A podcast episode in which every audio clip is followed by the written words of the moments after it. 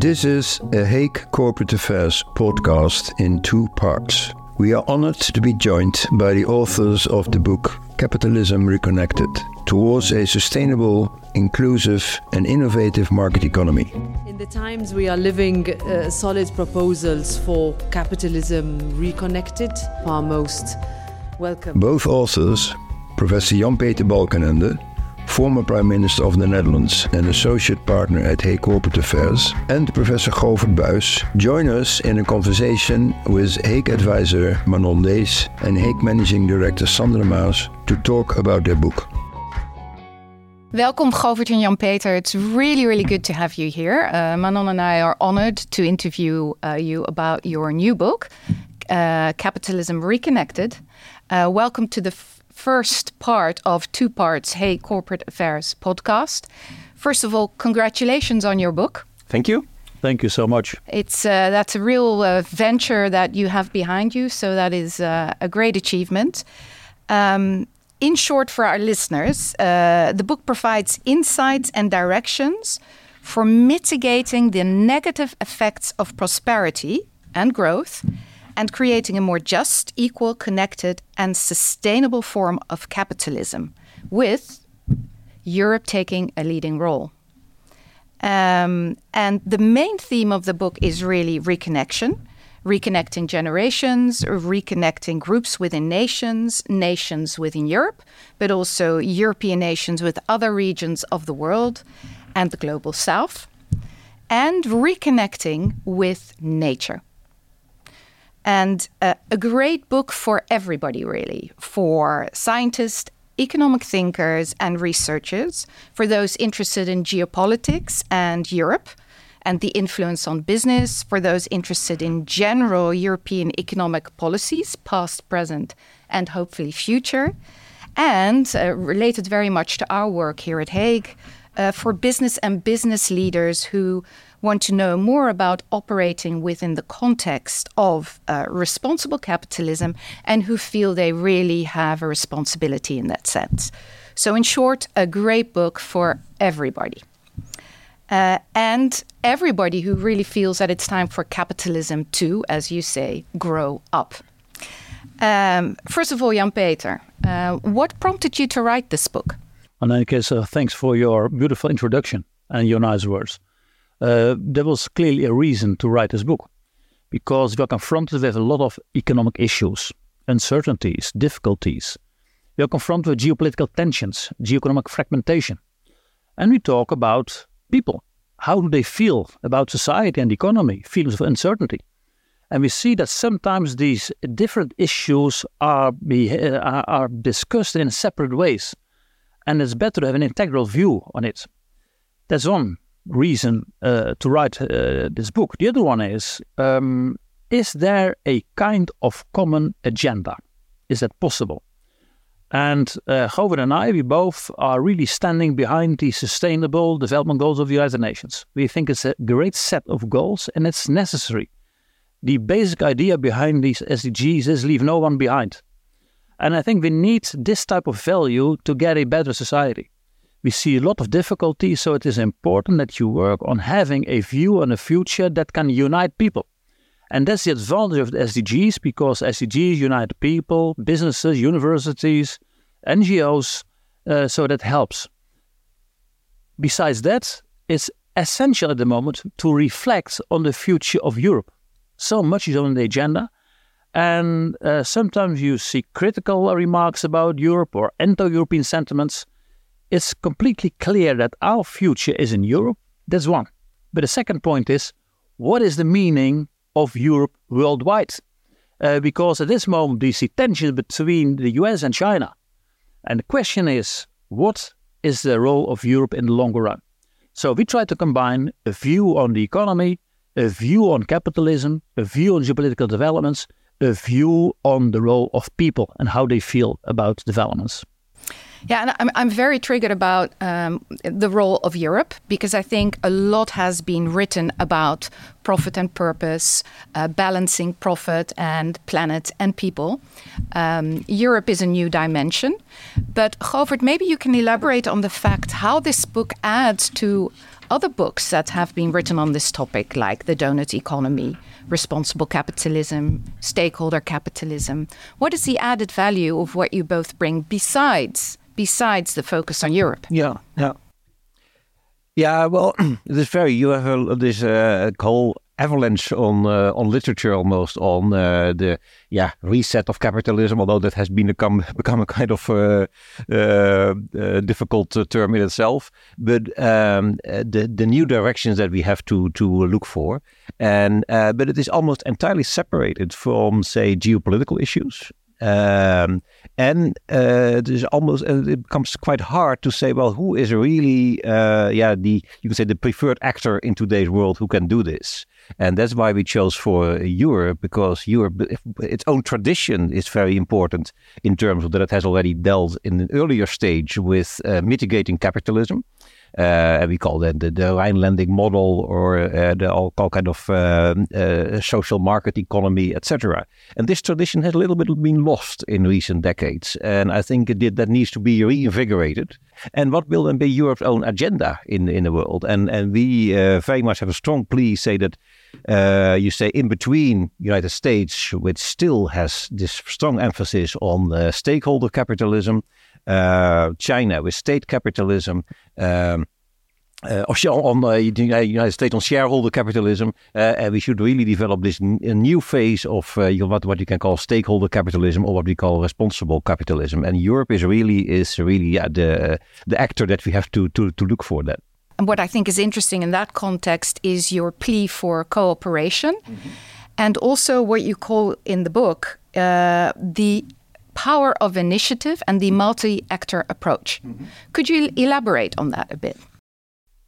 Yeah. Um, I think the, the, the the power of initiative is there on basically on all levels. You can say uh, citizens have it, uh, and it is always important. Um, and that can be when you th- reflect about the future of the economy, that you become, say, uh, you have the sense of powerlessness, uh, of say, well, th- these issues are too too big for me. And uh, that may be the case on all different levels. And I think what we really have a strong plea for is uh, yes, you can always take an initiative, but then immediately start to look for partners. Uh, and that may be partners on a different level that you then need. So, uh, citizens, you may need to work together with, uh, in uh, combine in, in civil society organizations or to address local governments. And local governments need to address uh, national governments, or as we saw today, uh, that the, the, Dutch provinces really say, well, uh, the national government really we we are waiting for new uh, initiatives. Uh, we cannot do it on on our own in terms of uh, the the nitrogen crisis. Um, so um, it is always important to to look for coalitions. so. Um, take an initi initiative, look for coalitions, and then try to to scale up. Um, and that can governments can do that too, actually. And so Europe itself is a kind of yeah, quite a uh, very interesting scene in which uh, all kind of governments are cooperating. And there, and you saw something like that happening in in in the in the recent COP twenty eight uh, conference um, new coalitions, on, even on, on, on a global level. Yes, and I think that is the way you have to to to, to look at it. That you should start, but you never keep on your own and only take it take it in your own yeah private sphere or in your own uh, sphere of act, uh, activity. Just look for uh, partnerships, eh, which is one of the uh, sustainable development goals. Is partnership for the for the goals. I think that is really what we uh, intend to describe with this multi-actor approach. Yeah. Uh, usually, um, you see the, this debate between its state or market. Uh, when I wrote my PhD thesis already in 1992, I was criticizing that model. It is not only or state or uh, market. If you want to have a balanced society, you must have a balance between state, uh, civil society, people, and a market. This is our ideal.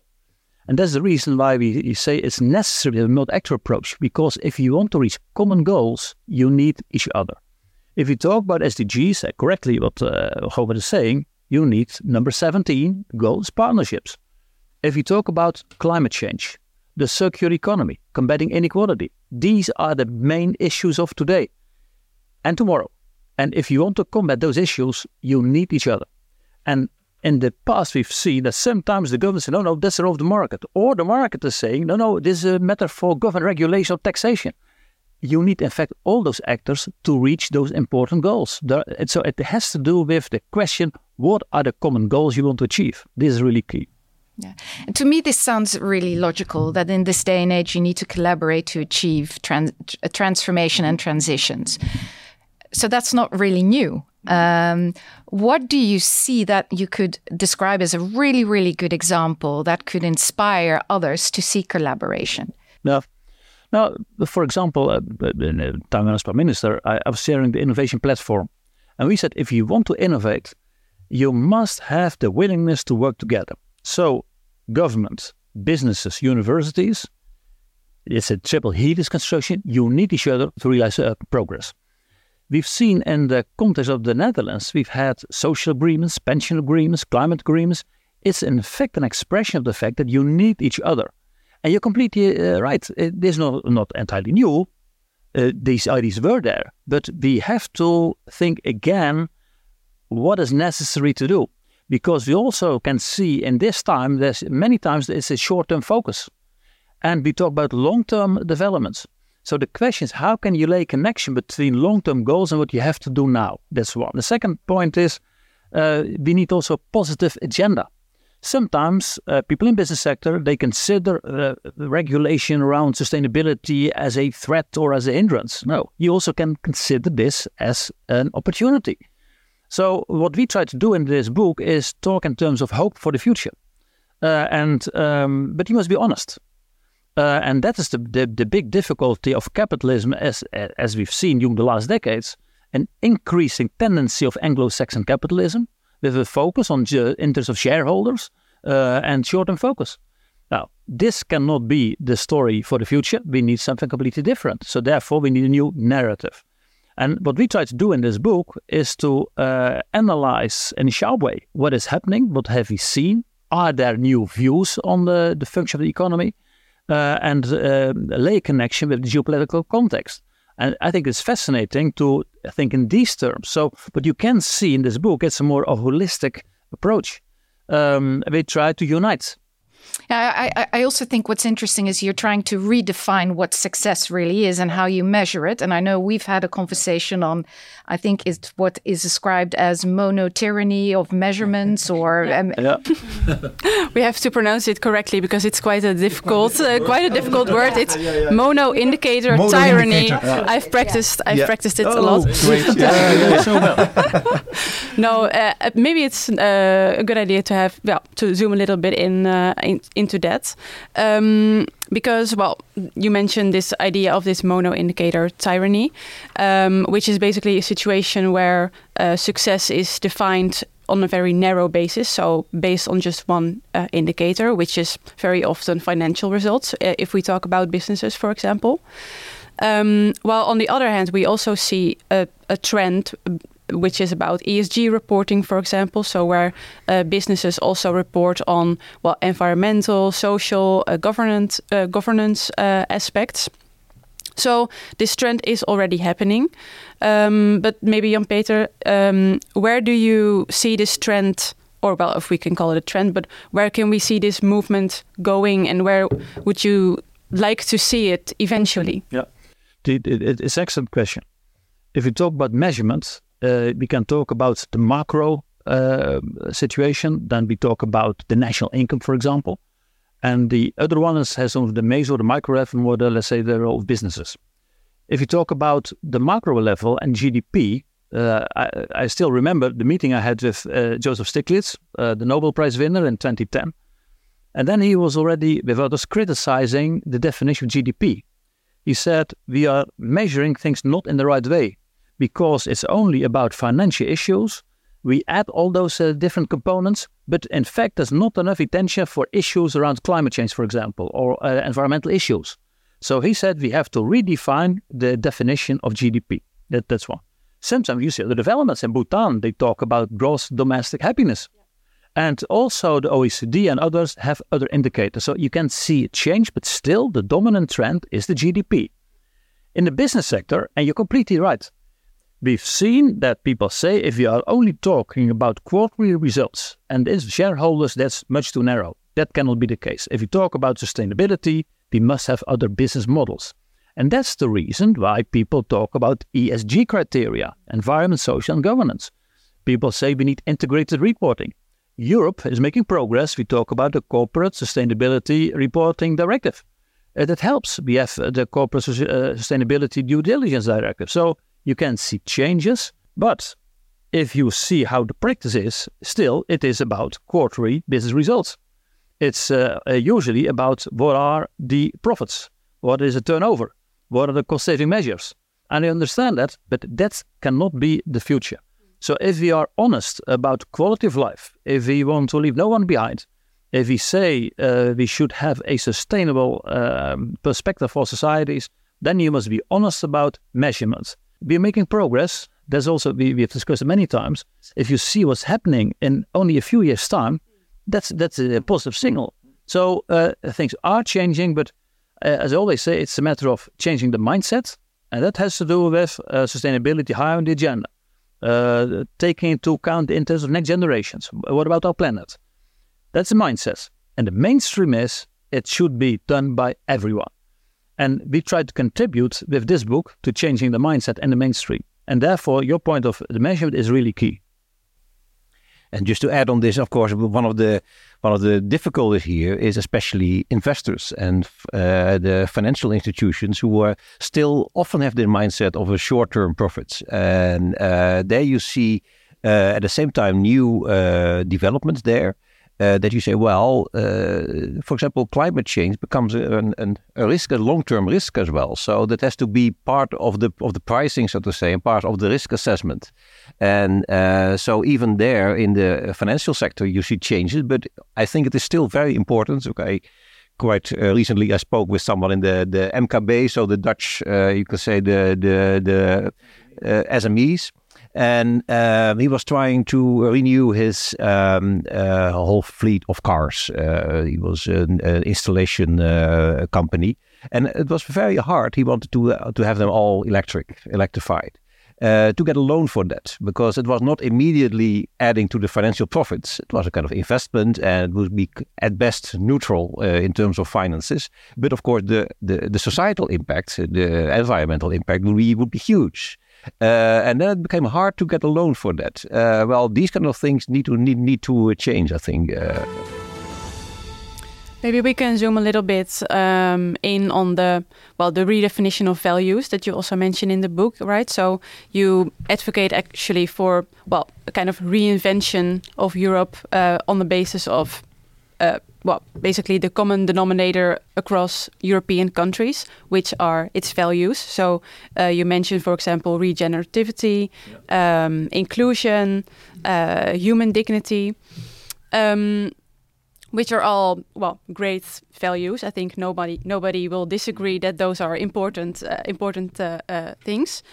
Um, but one thing that came to my mind actually when reading about this uh, is um, uh, the famous quote from Henry Kissinger. I'm not sure if you if you know what I'm going to say, which is, uh, "If I uh, want to call uh, Europe, who do I call?" Um, and actually, the question that came to my mind is, well, who do I call if I want to to redefine European values? Who is going to take the lead there? Yeah. The, um, uh, in our book, you read um, many things about the multi-actor approach. And uh, if, uh, but unfortunately he died, uh, Mr. Kissinger would phone again and he would say, I need one phone number, then is not aligned with this book. no, that, that's actually true. That's yeah. the point. Because if you take seriously the approach of um, multi-actor approach, then you will have to uh, admit that you need several actors. You need European institutions. You need the business sector. You need knowledge centers. You need NGOs. And in fact also a matter of plurality in Europe. And I think it's also good that we have different actors. Um, but if you have different actors, the key element, of course, is do you have a common agenda that unites those different actors? That's the point. And uh, so there's a combination of, let's say, the SDGs or the Green Deal or whatever. You must have a common orientation. So, and I think this is much more important than just the, the question about who should with whom should I phone? And Manon, you talked about values, and I would like to go back to the aspect of value creation. Uh, and value creation is more than the financials. It's also about how do we contribute to people, how do we contribute to society? Uh, how do we contribute to uh, the wellness of our planet? And this is something we need to do together. But how would you respond as a summary to business leaders who might be listening to this podcast who say, "Yeah, that's easy for you to say, but we have the you know the continu- continuation of our business." And we have these sustainability goals we need to achieve. And that is that is you know we're faced with a lot of dilemmas. And at the same time we have shareholders who are looking for a return. What would be to end off this podcast the first part of this podcast what would be your reaction to those business leaders? I know paul Polman very well the former ceo of unilever. And he had the courage to say we have to do things another way. He said uh, we should stop with quarterly reporting do it twice a year and he won't have room for long-term uh, value creation discussions. It was a good example. Uh, Feike Sijbesma, DSM, they said uh, we must be honest about our achievements regarding sustainability. So they also have a paragraph, what went wrong? This is a matter of honesty. And I think these are examples of the fact that we are seeing a new tendency, and is what you can call from value based to values based. And if you talk about long term value creation, this is not only about financial value, this is about also human values, it's about social values, everything. So this is changing. And what we see now is that society expects something completely different. They want to have another orientation. Uh, young people say you should change. Uh, we can see it in the media. We have legal cases. Uh, we have reporting directives. So you can see the whole world is changing. But uh, the key element will be are we able to stop with old fashioned instruments, old fashioned uh, ways of thinking, uh, old fashioned strategies, and can we replace them by real sustainable views and insights? And we need frontrunners. Uh, is it easy? No, probably not. But uh, the direction is very clear, and I'm positive about that. So I think it is doable, but you must have the willingness. And there's a role for Europe there to take leadership Yep. I would like to end with that, with Europe taking leadership in this very turbulent uh, time we're living in. Uh, the next podcast we will be uh, broadcasting together is about Europe's role in the ge geopolitical context and the leadership you see there. So I hope we can take it to um, the next uh, part. And uh, thank you for being here.